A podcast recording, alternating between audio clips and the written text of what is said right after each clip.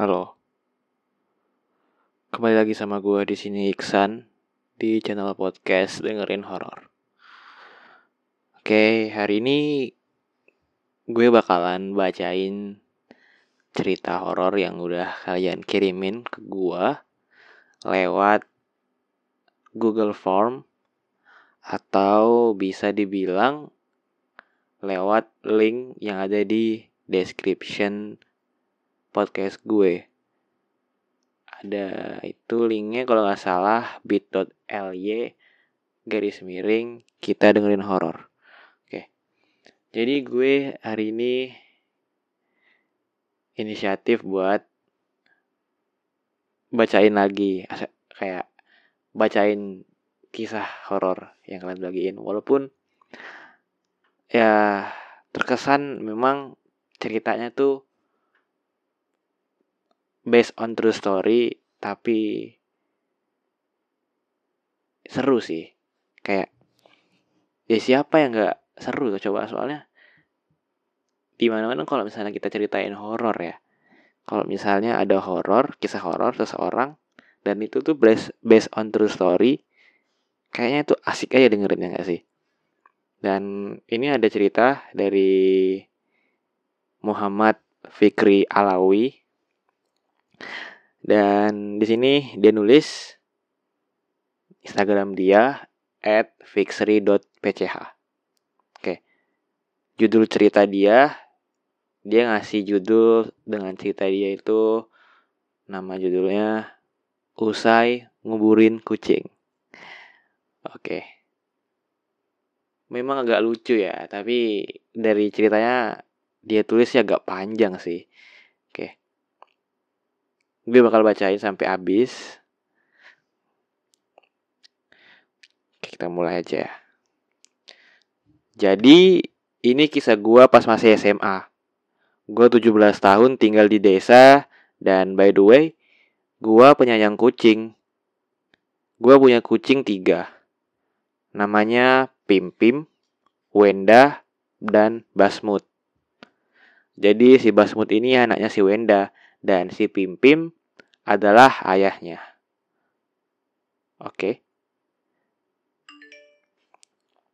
Kamu udah kayak keluarga able banget sih, ya kan? Iya udah kayak keluarga banget sih. Berarti lu punya tiga kucing ya. Oke oke. Pim Pim, Wenda, Basmut. Lanjut. Jadi hari itu gue lagi kuliah di daerah Bandung, kota, di kampus X dan gue yang lagi nongski karena udah kelar kuliah tiba-tiba ditelepon dong sama nyokap gue kalau kucing gue si Basmut meninggal. Oh, jadi si bokap saya tuh si bokap kucing-kucing tadi itu meninggal. Kan namanya Basmut ya. Basmut kan bokap kucing-kucing dia. Oke. Okay. Kucingnya meninggal. Namanya si Basmut. Oke. Okay. Sedih banget gue anjir. Setelah itu gue cabut balik ke rumah. Bodo amat sama temen nongkrong gue Yang penting kucing gue dulu ya kan. Sore itu Bandung ya biasa lah ya. Macet, gerah, bising kendaraan yang bikin mumet. Ditambah kabar kucing gue yang gumus meninggal. Bengong dah gue yang padahal kalau di motor gue suka nyanyi-nyanyi gak jelas gitu oh dia bengong gitu ya. Biasanya dia nyanyi nyanyi di motor tapi kali ini dia bengong. Mungkin sedih kali ya. Kucing kesayangannya tuh meninggal. Gue bingung anjir baca ceritanya ini antara sedih atau ngakak. Atau jangan-jangan horor gitu. Nggak ini belum belum kerasa sih feel horornya karena dia masih intro kali ya. Oke, kita dengerin aja, kita baca sampai habis.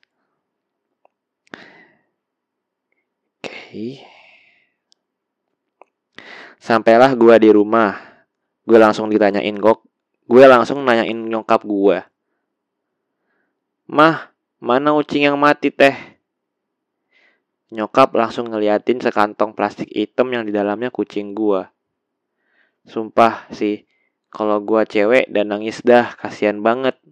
Masih baby cat, mulutnya nganga, dingin gak bernyawa.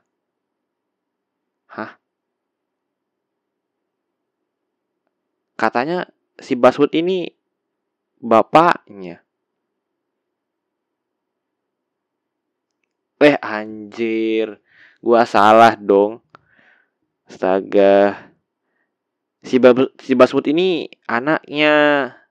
Si Pimpim itu ayahnya. Astaga. Oke oke. Gue ralat ya. Berarti si Baswood ini anaknya cuy. Gue ralat, gue ralat. Si Baswood ini meninggal dan ternyata itu masih kecil gitu. Sorry sorry sorry. Oke kita lanjut aja ya. Oke tadi Sumpah sih kalau gua cewek dan nangis dah kasian banget masih baby cat mulut nganga dingin gak bernyawa. Setelah itu gue berniat nguburin kucing gua di kebun jeruk belakang rumah. Tapi sebelum itu nyokap gua bilang gini ke gua. Fik, hati-hati ah jangan ke kebun jam segini. Apalagi ini menjelang maghrib. Mana mau nguburin kucing lagi? Gua jawab, emang kenapa gitu? Setelah itu gue sadar sih pernah ada balita yang kata orang dia bisa melihat hal-hal yang mistis. Terus dia hari itu ngelewat di kebun gua. Dan entah kenapa dia tiba-tiba nangis banget. Dan bilang ke maknya buat buru-buru balik. Karena ada sesuatu yang muncul di kebun gua itu. Hmm. Oke. Oke, lanjut ke cerita gua. Gua agak takut sih sebenarnya karena nyokap gua bilang gitu. Karena tekad gue udah bulat seperti tahu, ya udah gue ngambil cangkul kecil dan air yang ngub untuk nguburin kucing gue lah. Mau gimana lagi? Kasihan kalau dibesokin. Lalu gokil juga sob. Akhirnya dia kuburin juga ya hari itu juga. Terus Kebun itu posisinya di belakang rumah dan paling dekat sama sawah. Jadi, jadi sisi kanan kirinya emang nggak ada rumah. Otomatis ya gelap gitu kalau maghrib. Lanjut gue jalan ke kebun sambil bawa peralatan yang ada. Dan gue bukain pagar kebun suasananya ya dingin berangin.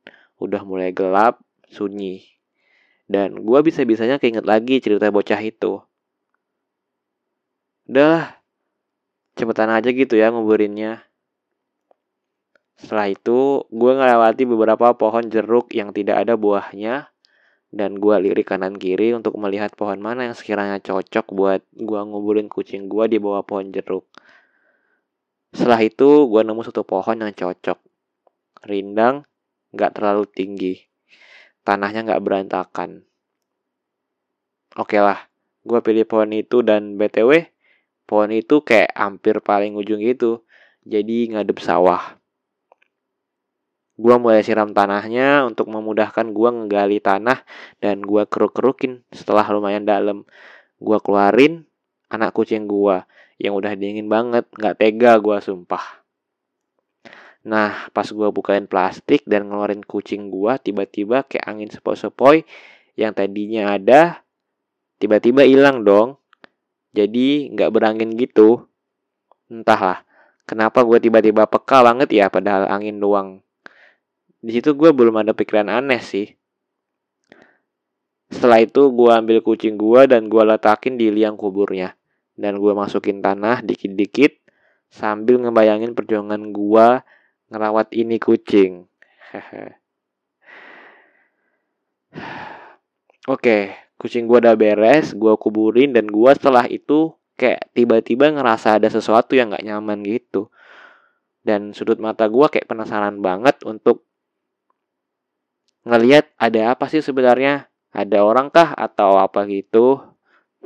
Gue ngelirik kanan kiri kosong nggak ada orang langit tambah gelap menjelang malam dan perasaan gue juga udah nggak enak ya udah gue mutusin untuk cabut balik ke rumah Hmm. Dan gua posisinya masih jongkok gitu depan kuburan kucing gua. Dan tiba-tiba kayak ada ngelempar batu kerikil ke gua. Dan gua kaget. Gua kira ada orang jahil atau apa. Tapi sesaat gue keingat kata orang-orang. Karena kalau kita ngelihat ke belakang tapi membungkuk. dengan mata ngeliat di antara kaki gue katanya kita bisa ngeliat hantu gue nggak percaya sih tapi tiba-tiba gue nyoba cara itu setelah gue ngerasa nggak nyaman apalagi gue dilemparin kerikil itu gue coba teh tuh cara dan saat gue ngelakuin cara itu dan gue ngeliat ke sawah tiba-tiba gue shock banget lihat ada sesuatu wujud hampir mirip manusia tapi kayak ngerayap gitu rambutnya panjang berantakan mukanya hitam bajunya lusuh dan dan dengan cepatnya dia merayap di jalanan sawah menuju posisi gua jongkok hmm. Sumpah, gue langsung lari terbirit-birit karena untuk pertama kali gue ngelihat hal seperti itu dan sontak gue teriak minta tolong. Tapi saat gue lari dari arah pohon jeruk yang lain, Ternyata sudah ada sesosok kuntilanak yang berdiri menghadap gua. Sontak gua tambah takut dan kaget dan dari arah belakang gua mendengar suara cekikikan wanita yang nyaring banget sampai gua takut setakut-takutnya. Gua tersandung satu kali saat berlari, tapi saat gua mau mau bukain pagar bukain pagar kebun ternyata udah diikat.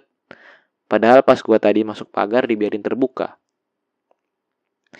dari arah dekat rumah gua, gua lihat kucing yang gua yang ada dua, si Pimpim dan si Wendah, dan mereka cuma ngeliatin gua yang ketakutan sambil membuka tali yang mengikat pagar itu. Oh. Sialnya saat gua berusaha ngelapasin tali pagar, tiba-tiba leher gua kayak ada yang ngelus dan itu rasanya dingin banget anjrit. Gua takut setengah mati dan ternyata ditambah bisikan di telinga gua yang bilang, Tong, kadia wayah kieu nya, hihihihi. Yang artinya, jangan ke sini jam segini ya. Sam ambil cekikikan pelan-pelan. Setelah itu, gue bisa ngelepasin tali pagar yang diikat. Sontak gue berlari dan rasanya gue hampir pingsan gara-gara kejadian itu. Gua pun ngelirik ke kucing gua yang dua itu dan mereka tetap cuma diem ngelihat gua yang sedang berlari ketakutan. Setelah itu gua ke rumah dan gue nyeritain kejadian yang sudah terjadi ke gua tadi ke nyokap gua. Nyokap gua pun kaget dan beliau nyuruh gua untuk istighfar dan setelah itu nyokap gua nenangin gua. Gua malam itu gak bisa tidur sih sampai gua tidur bareng nyokap. Oke, kayaknya segini doang cerita gue. Maaf ya kalau agak nggak jelas ngetiknya. Oke, nggak apa-apa. Oke, ini ini udah lumayan lah. Oke. Terima kasih. Nggak sabar pengen dengan pengen dengar podcastnya, hey. Ya. Oke, thank you buat ceritanya si Muhammad Fikri Alawi. Ceritanya menarik. Kayak yang bisa gue ambil dari sini sisi positifnya itu kayak lu tuh nggak boleh keluar malam gitu loh. Kan ada pepatah ya kalau dulu nyokap gue pernah bilang ya kalau misalnya gue mau main keluar pas maghrib maghrib tuh katanya nggak boleh.